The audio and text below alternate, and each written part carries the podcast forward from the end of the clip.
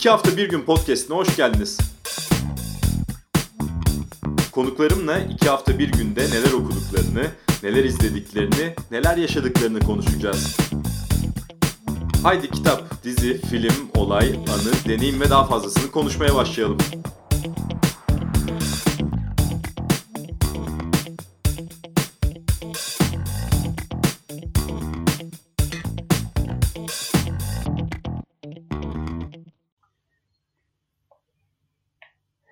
İki hafta bir günün bu bölümünde bir devi ağırlıyorum. Konuğum yazar, müzisyen, siyaset insanı ve birçok sıfat daha fazla sıfatla da adlandırılabilecek ya da sadece adını duyduğunuzda bile birçok çağrışım yapacak bir isim. Zülfü Livaneli. Hoş geldiniz.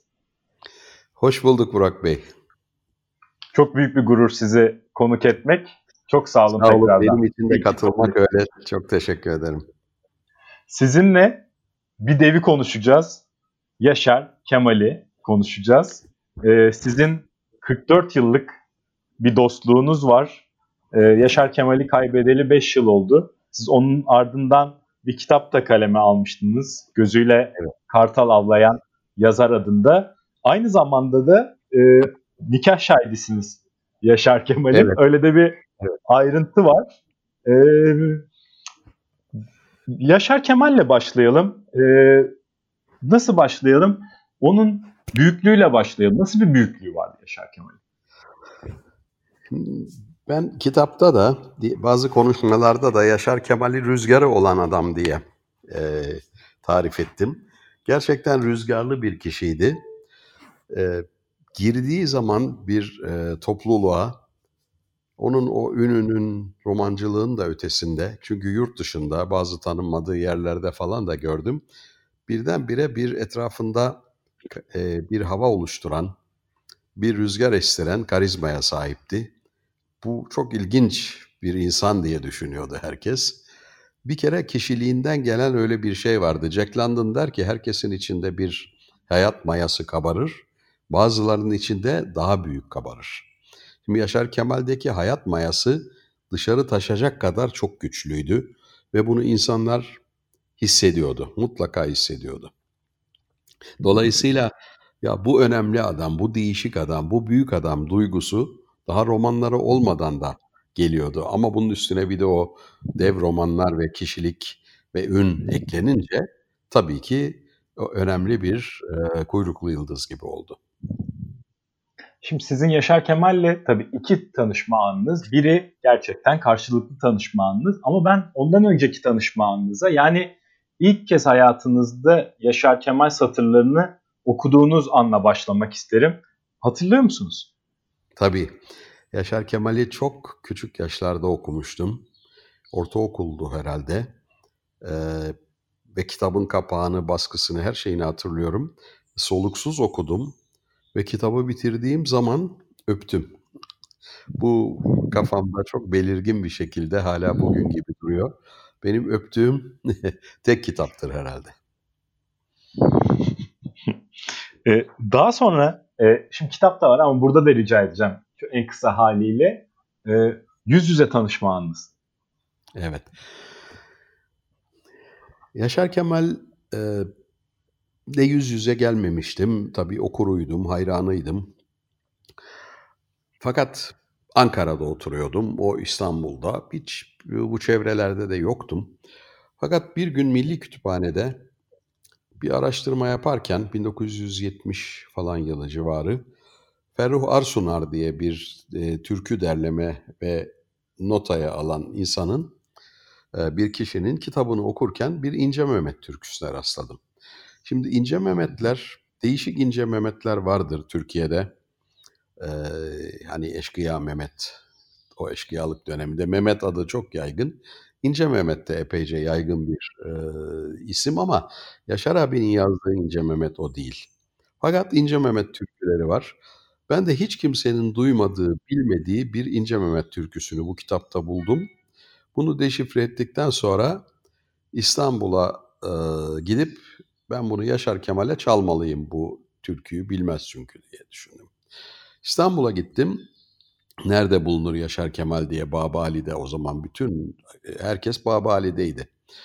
Gittim dediler ki bu kardeşinin şeyi var kitap evi Ararat kitap evi Cağaloğlu'nun merkezinde. Buradan bulabilirsiniz dediler. Gittim birkaç gün bekledim. Sordum orada. Sonra bir gün Yaşar Kemal geldi. Ha merhaba işte benim adım şu sanım şu. Ben e, bir İnce Mehmet türküsü buldum dedim. O da dedi ki ya bana çalsana şunu o zaman. Yarın gel dedi. Basınköy'de bir adres verdi. Şu eve gel dedi. Hem de dedi Çukurova köftesi yapayım ben de sana dedi. E, sazımı aldım eve gittim. Tilda e, eşi çeviri yapıyor masada oturuyor. Gözlüklerin üzerinden şöyle bir baktı. Hafif soğuk bir hoş geldiniz dedi. Daha sonra ben çalmaya başladım. Tilda'nın da ilgisini çekti geldi. Ee, sonra bu parçayı e, büyük bir zevk alarak dinlediler. Çukurova köftesi yedik. Ve o günden sonra da ölümüne kadar ayrılmadık. 44 yıl boyunca e, gazeteciliğiyle başlayalım. Yazarlığını konuşacağız.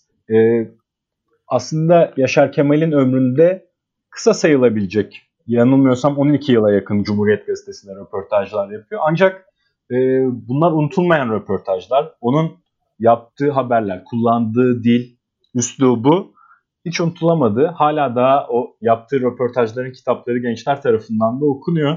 Ee, Yaşar Kemal gazeteciliğini ve röportajcılığını nasıl değerlendirirsiniz?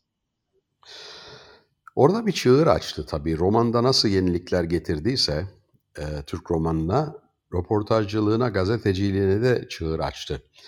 Çünkü hem romancılığına hem kişiliğine hem gazeteciliğine baktığımız zaman şöyle bir farklılık görüyoruz.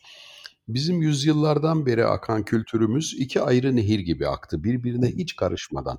Osmanlı Sarayı, İstanbul kültürü, bir de Anadolu kültürü. Onun kendi içinde çeşitlemeleri var ama bir şeyde toplayalım.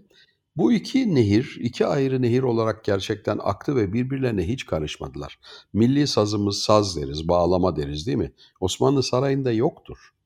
Hiçbir zaman halk aletleri yoktur, çalgıları yoktur. Osmanlı saray aletleri, musiki aletleri değişiktir. Ve biz zaten dünyada şarkı ve türkü diye müziği şarkıları ikiye ayıran tek milletiz. Biri çünkü şarkı, şarktan geliyor. Öbürü türkü. Şimdi Türk'ten gelen, Anadolu'dan gelen anlamında. Ee, enteresan bir şey. Mesela Türk sanat müziği dediğimiz zaman temel bir yanlış yapıyoruz burada. O çünkü şark sanat müziği. Türk sanat müziği dediğin o değil. Neyse şimdi bu e, Atatürk devrimlerinden sonra Anadolu'ya bir e, eğilimi oldu. Müzikçiler, sanatçılar, işte şairler bu konuda e, eserler vermeye çalıştılar. Fakat bunlar tabii İstanbul çocuklarıydı. Müzisyenler Alaturka ile yetişmişti. Ana karnından beri Alaturka ile yetişmiş. E, şairler divan şiiriyle yetişmişti, büyümüştü. Dolayısıyla onların Anadolu'ya bakışı dıştan kaldı. İşte Gessen Anadolu'yu gibi şiirler gibi, Çeşmebaşı Balesi gibi ya da o çok büyük ustalar, e, Türk beşleri evet çok güzel şeyler yarattılar ama e, bilmedikleri iki müzik tarzı arasında. Yani batıya gidip batı müziğini öğrendiler. Bir de Anadolu müziğini öğrendiler. Çünkü o geleneksel olarak onlarda yoktu. Anadolu'ya bu etki oldu oldu oldu. Sonra Anadolu'nun kendi yaratıları ortaya çıkmaya başladı. Daha çok belgesel gibi Mahmut Makal çıktı. Mesela bizim köy hem Türkiye'de hem bütün dünyada çok yankılanan bir şeydi. Bir belgesel gibiydi. Bir Türk köyünün ilk anlatımıydı. Fakat sonra köy enstitülü yazarların e, yazıları çıkmaya başladı. Fakat Yaşar Kemal büyük bir yaratıcı olarak geldi. Hem o kaynağı biliyordu, o kaynaktan o Çukurova gibi bereketli bir yerden çıkıp İstanbul'a o halkın 700 yıllık, 1000 yıllık muazzam birikimini, destanlarını, e, deyimlerini, dilini, yaratıcılığını getirdi. Bu aslında Anadolu'nun ilk büyük yaratısıydı. E, gazetecilikte de bunu görebiliriz. Röportajlar insanın kemiğine dokunur, kanına dokunur, içine yüreğine dokunur. O derece kuvvetlidir. E, dolayısıyla romanıyla röportajı ikisi de çok büyük yaratı. Burada zaten siz de kitapta sık sık e, köke sadık kaldığından bahsediyorsunuz. Özellikle Anadolu geleneğine, burada Homeros'tan Karacaoğlan'a, Nazım Hikmet'e ama evrensel olarak da Stendhal'in önemli bir yer tuttuğunu görüyoruz mesela Yaşar Kemal açısından. Ee, hem yerel hem de evrensel anlamda nasıl yaratıcı olabildi Yaşar Kemal? Şansı da olmuş tabii. Şimdi e, Karacaoğlan ağıtları derleyen, toplayan, yazan, edebiyata meraklı, okuyan, Ramazanoğlu Kütüphanesi'nde çalışmak gibi büyük bir şans elde eden ve orada binlerce, yüzlerce kitap okuyan ama en büyük etki olarak da o sırada orada sürgün olarak bulunan Arif Dino'nun yetiştirdiği bir insan olması. Şimdi Arif Dino, daha sonra Abidin Dino da katıldı ona ama Arif Dino Türkiye'nin gelmiş geçmiş en büyük entelektüelleri arasında.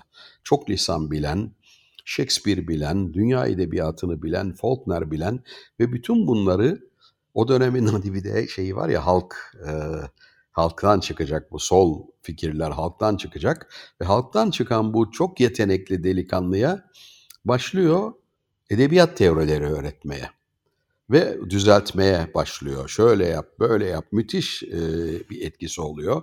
Faulkner çeviriyorlar o sırada Abidin Bey ile Arif Bey şeye, e, Yaşar Kemal'e.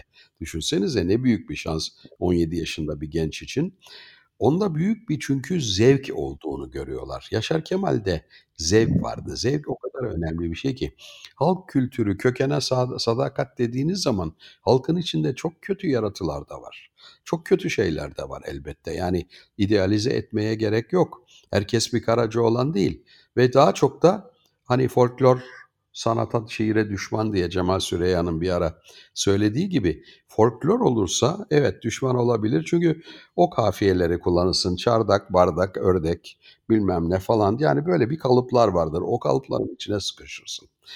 Ki öyleleri de vardır. Yaşar Kemal bu kalıpların içine sıkışan bir adam değildi. Zevki çok gelişmişti ve neyin değerli olduğunu, neyin önemli olduğunu, neyin klişe olduğunu, tekrar olduğunu biliyordu. Bir de bunun üzerine o batıyı çok iyi bilen hocaları bunu yetiştirince tabii ortaya bir mucize gibi bir şey çıktı.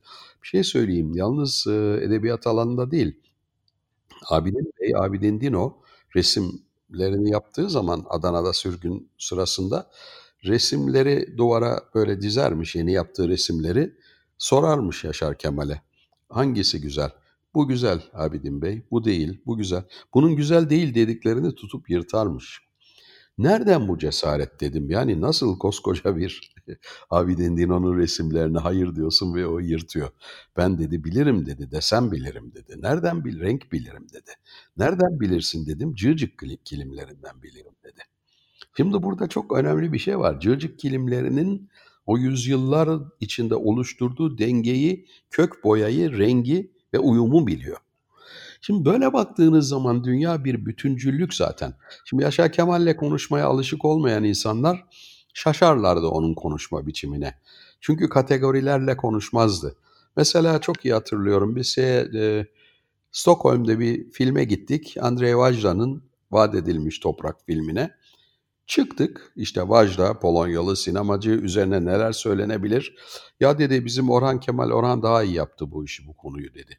Şimdi millet diyecek ki bu Orhan Kemal Türk romancısı, Vajda Polonyalı sinemacı ne alakası var? Ama böyleydi. Kategorileri kaldırır, doğrudan işin özüne bakardı. Beni e, mesela çok merak ediyorum bu sorunun cevabını. Çünkü siz de bahsediyorsunuz. E, Yaşar Kemal yaşamı süresince de değeri bilinmiş bir yazar. E, yurt dışında ödüller almış, Türkiye'de ödüller almış ve yaşam yaşarken kitapları çok satmış bir yazar. Buna rağmen e, siz onun içinde bir anlaşılamamışlık duygusu olduğunu söylüyorsunuz. Bu kadar yakından tanıyan biri olarak e, neydi bu duygunun kaynağı? Neden böyle hissediyordu Yaşar Kemal? Evet.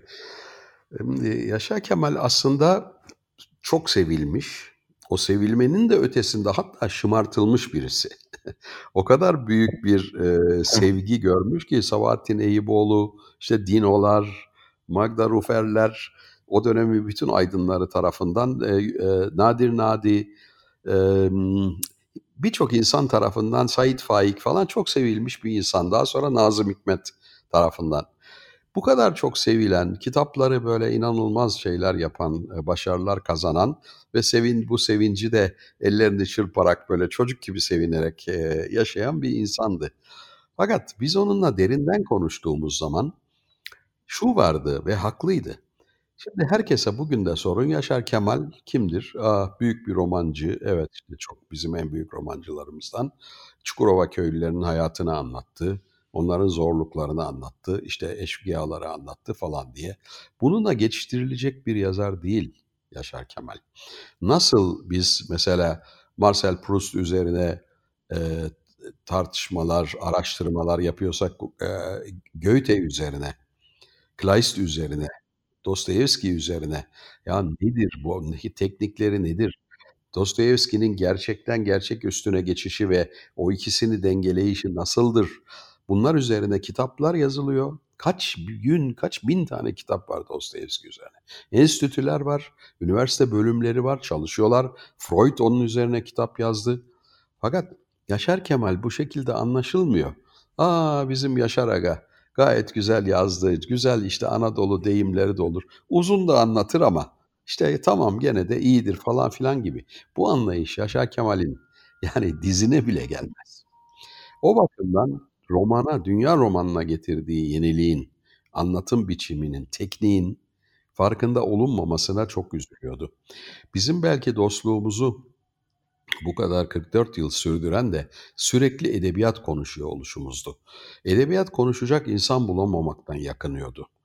Çünkü edebiyat dediğin zaman o kişiler, dedikodular, o ödülü kim aldı, şu bu falan değil. Mesela Faulkner Ağustos ışığında ne yapmaya çalışmış?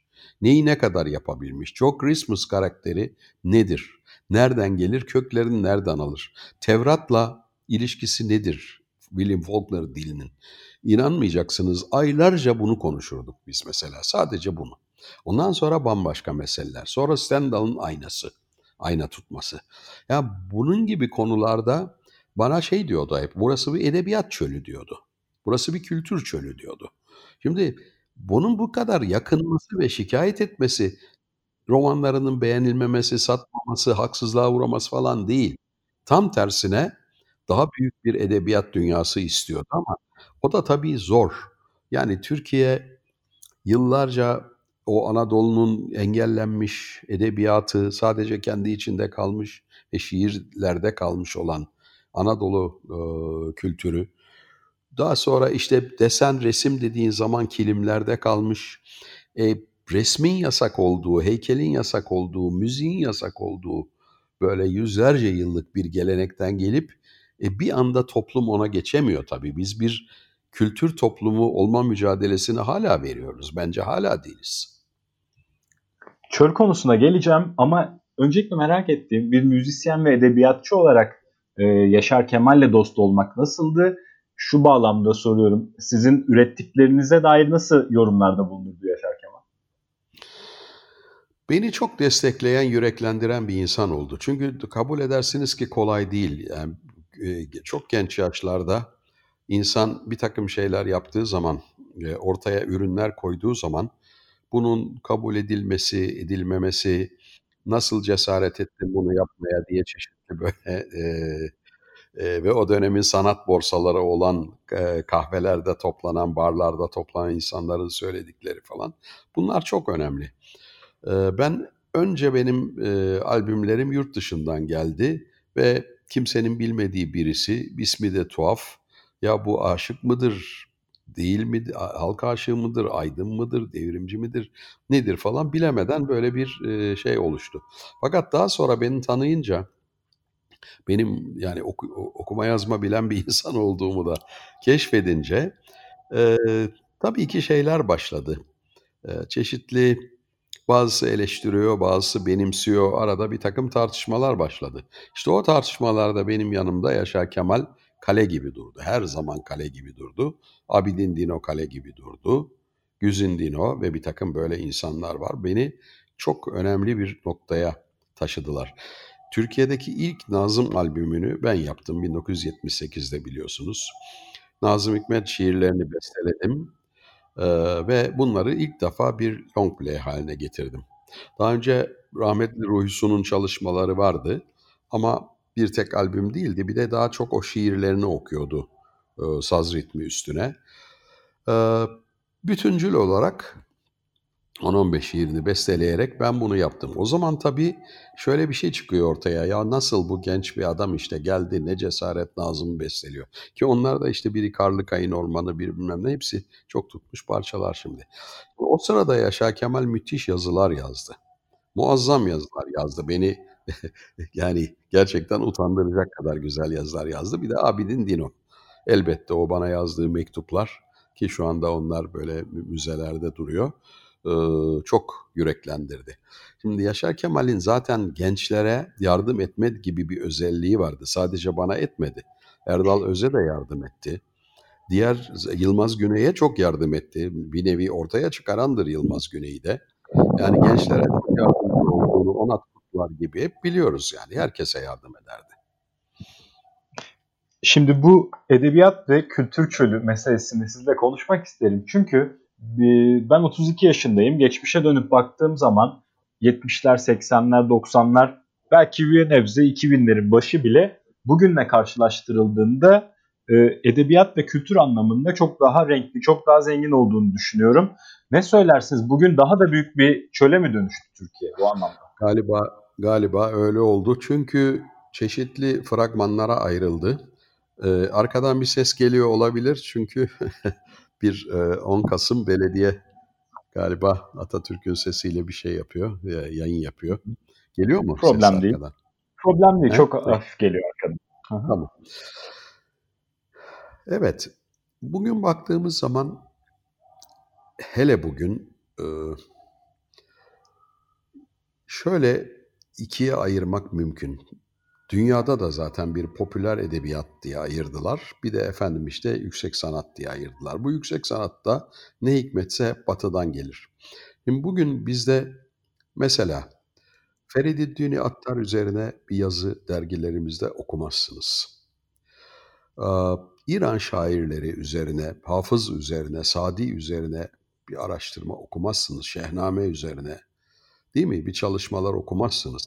Hatta bizim kendi Karacaoğlan üzerine, Köroğlu üzerine, Dadaloğlu üzerine araştırmalar okumazsınız edebiyat dergilerimizde.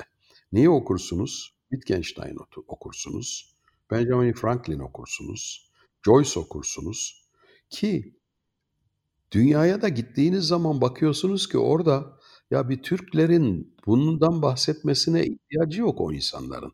Yani Lacan, tamam Lacan zaten iyi gayet iyi okuyalım. Ben de okuyorum, biliyorum ama durmadan Lacan onu dedi, Deleuze bunu dedi. Efendim şu şunu dedi, bu bunu dedi, Schrödinger. Şimdi bunlarla bir ülkenin doğu batı arasında sallanan kültürünün ve bir nevi aklı batıda, kalbi doğuda olan ve geçmişi doğuda olan bir ülkenin gerçek kültür köklerine nasıl ineceksiniz? Yaşar Kemal halk kültürü bakımından buna inmişti. İlla halk da şart değil. Başka birisi de Şeyh Galip açısından inebilir. Bambaşka bir yerden bakabilir ama yok. Bizim yani kendi e, kimliğimizden çıkmak istiyoruz gibi bir e, çabamız var. E bu çaba da dünyada kabul görmez. Çünkü Fransız Sorbon'a gidip Lacan anlatmanıza ihtiyacı yok ki hiçbir batılının. Siz bu binbir çiçekli bahçe dediği gibi Yaşar Kemal'in buraya kendi toprağınızın, kendi bahçenizin e, çiçekleriyle ve kokularıyla katılabilirsiniz. O büyük nehre kendi zenginliğinizle girebilirsiniz. Yoksa onların yaptığını biz de burada yapıyoruz. Bir nevi kusura bakmasın kimse fetiş haline geldi. Yani konuşmanızda eğer Deleuze, Derrida, e, Bourdieu, Badiou derseniz birdenbire çok kıymetli hale geliyor yaptığınız işler. Ee, bir de bunun tabii terminoloji eksikliği var. İşte görüngü bilim diyoruz fenomenolojiye. Onları falan da görüngü bilimi halka hakime anlatabileceksiniz ne demek olduğunu. İlla bir de parantez açıp tarif getirmeniz lazım. Ben bunlarla ilgilenilmesin demiyorum ama bir e, aşırılaştırma var burada. Bu aşırılaştırma Yaşar Kemal'in işte köke bağlı olma ki o kök Homeros'a gider. O Homeros'tan bu yana getirdiği kültürün aynen Yunanların Seferis'in, Elitis'in, e, Ritsos'un yaptığı gibi kendi sesini bulmak diye bir şey var. Bugün bir kendi sesi yok Türk Edebiyatı'nın. Evet, bir yandan da not alıyorum söylediklerinizi. Çok önemliydi. Şimdi e, bizi dinleyen gençlere e, Yaşar Kemal'i anlamaları için ne önerirsiniz? E, nereden başlasınlar Yaşar Kemal'i anlamaya? Köklere mi gitsinler? E, tabii köklere giderler. Yaşar Kemal kılavuzluğunda köklere gitmeleri çok önemli. Mesela niye Karacaoğlan'ı önemsiyor? Çünkü Karacaoğlan folklor değildir. Kendi niteliği olan, kendi sesi olan ve hemen anlaşılan, iki dizesinden o olduğu anlaşılan bir şairdir. E, bunların ne demek olduğunu gerçekten anlamaları gerekiyor. Bir e, Çukurova ağıdı vardır Yaşar abiyle çok tekrar ederdik. Benim oğlum can verirken çiçekler çığırışıp açtı. Şimdi bu bir ağıttır. Ben bunu İngilizceye çevirip yeni çıkacak olan Huzursuzluk kitabım için yayın evine yolladım. Bunun başına bir alıntı olarak anonim bir Anadolu ağıdı diye, bir ananın ağıdı diye hayran kaldılar. Çünkü bir yanda bir evladın ölümü var, bir yandan çiçekler çığırışıp açtı. Bu çığırışmayı tam olarak veremese bile İngilizce'de gene de e, o kadar kuvvetli ki imge bütün dünya insanlarının yüreğini sarsıyor. Bu kök budur işte. Buradan gittiğiniz zaman köktür. Böyle bir şey götürürseniz köktür. O yüzden Yaşar Kemal'i hem tabii ki kendi romanlarını okuyacaklar ama mesela Yaşar Kemal'in Alain Bosque ile yaptığı bir uzun söyleşi var kendi hayatı ve görüşleri. Mesela onu okumaları lazım gençlerin. Bir kere Yaşar Kemal ne düşünüyordu? Neydi edebiyat teorisi neydi? Ne yapmaya çalışıyordu? Sonra işte acizane benim bu kitabım var. Bu da anlatmaya e, biraz yardımcı oluyor herhalde. Çünkü kitap çıktıktan sonra şöyle çok e-mail aldım. Ya biz Yaşar Kemal'i bildiğimizi zannediyorduk. Bitmişti yani kitabı okudum nasıl olsa ben onu diyor. Lisedeydim kapattım bir daha da okumadım diyor. Ama bu kitaptan sonra Yaşar Kemal'i tekrar okumamız gerektiğini anlıyoruz diyorlar. O bakımdan tabii yani kendi kitabımı tavsiye ediyor gibi olmayayım ama gene de e, bu da bir yardımcı olabilir. Sonra tabii o büyük romanlarına. Ben tavsiye edebilirim ama değil mi Zülfü Bey? Efendim? E, ben tavsiye edeyim. Ben tavsiye edeyim. Gözüyle kartal avlayan yazar. E, daha fazla Yaşar Kemal okumaya ve Yaşar Kemal'in e, Zülfü Livaneli'nin de söylediği gibi e, söyleşilerini, e, fikirlerini anlamak adına e, hem faydalı hem de bir başlangıç noktası olabileceğini düşünüyorum ben kitabı. Evet. Şimdi demin konu, deminki konuda bir şey söyleyeyim. Bizim mesela bu İslam edebiyatı ve Doğu edebiyatı, şark edebiyatı. Bununla ilgilenen, en çok ilgilenen kişi kimdir biliyor musunuz? Jorge Luis Borges. Borges'in hikayelerinde inanılmaz şekilde bir şark motifleri, İslami motifler, hatta Muhammed'le ilgili, dinle ilgili yani onun büyük bir zenginliğin farkında tabii Borges ve onu almış oraya koymuş. Cervantes'te de var. Hadi Cervantes zamanı zaten çok önemli alışverişe, savaş biçiminde bile olsa. Ama bugün e, bugün bunlardan koptuk. Onu söylemeye çalışıyorum. Yani biz bunu yapmalıydık ama maalesef yapmıyoruz. Şimdi sonlara geliyoruz. Ee, Yaşar Kemal'i arıyor musunuz? Özlüyor musunuz? Çok, çok. Yani 44 yıllık dostluk özlenmez mi? O benim her zaman e, kale gibi arkamdaydı, dostumdu, abimdi. Her zaman her derdimizi, her gündelik meselemizi tartışırdık, konuşurduk. Bir kere eğer e, yan yana değilsek ki kaldık da yan yana telefon açardık birbirimize. Şimdi o telefon açar. Ben açarım. Yaşar abi nasılsın? Her günkü cevabı şu. Türk'üm, doğruyum, çalışkanım. ben de derdim ki o zaman ben de Kürdüm, eğriyim, tembelim. Gülerdik bu klişelere tabii böyle bir ortalığa böyle şeyler çıkmasına. Ee, ve enteresan bir şey mesela. Yaşar abi tabii ki e, e, Kürt e, bir Türkçeyi en güzel yazan Kürt ve Said Faik'in evinde gördüm. Said Faik'in imzaladığı kitap Yaşarıma diyor. Kürtlerin en Türküne, Türklerin en Kürdüne. Şimdi o e, öyle bir şeydi fakat muazzam bir Mustafa Kemal sevgisi vardı. Muazzam bir Mustafa Kemal sevgisi var. Yazıları var. Zaten sadece romanlarını değil, yazılarını o Cumhuriyet'te bu çarşamba falan diye bu pazar bu çarşamba. Haftada iki kere yazdığı yazıların koleksiyonları var. Onları alıp okumak lazım. Fikirleri neydi? Anti-emperyalist fikirleri vardı. Anti kapitalist fikirleri vardı ve bunları Mustafa Kemal'le ve Türkiye ile nasıl bütünleştiriyordu? Gerçekten biraz modaların dışına çıkıp Yaşar Kemal gibi yazar ve düşünürlerin makalelerini de okumak gerekiyor. Bir anda hayatımdan yok oldu. Uzun bir hastalık süresi geçirdi. Tabii çok yani uzun süre zaten her sabah kalkınca Yaşar abi elim telefona gitti. Yaşar abi aramam lazım. Bugün herhalde buluşuruz gene falan diye. Çin lokantalarına giderdik. Onun en büyük zevki Çin lokantasında yemek yemekti. Yurt dışı, yurt içi nerede olsa Çin lokantalarının müdavimiydik. Yani şakacı, neşeli bir adamdı. Zaten o kuşağa bakın. O kuşak çok şakacıdır. Yani Said Faik'te de vardır, Yaşar Kemal'de de vardır, Orhan Kemal'de de vardır. Hep birbirleriyle şakalaşan neşeli insanlar, Akdeniz yaratıcıları, sanatçıları. Böyle Orta Avrupa pesimizmi, Kafka pesimizmi falan yok bu toprakta. Bu güneşli ülkede, bu kadar kalabalık ülkede olmaz zaten o. O yalnızlık duygusu zaten yok burada. Zülfü Livaneli çok teşekkürler. Sizin gibi bir devden bir başka devi Yaşar Kemal'i dinlemek e, hem öğretici hem de eğlenceliydi. Çok sağ olun, çok teşekkürler. Ben çok teşekkür ederim Burak Bey. Sağ olun, tekrar görüşürüz ileride.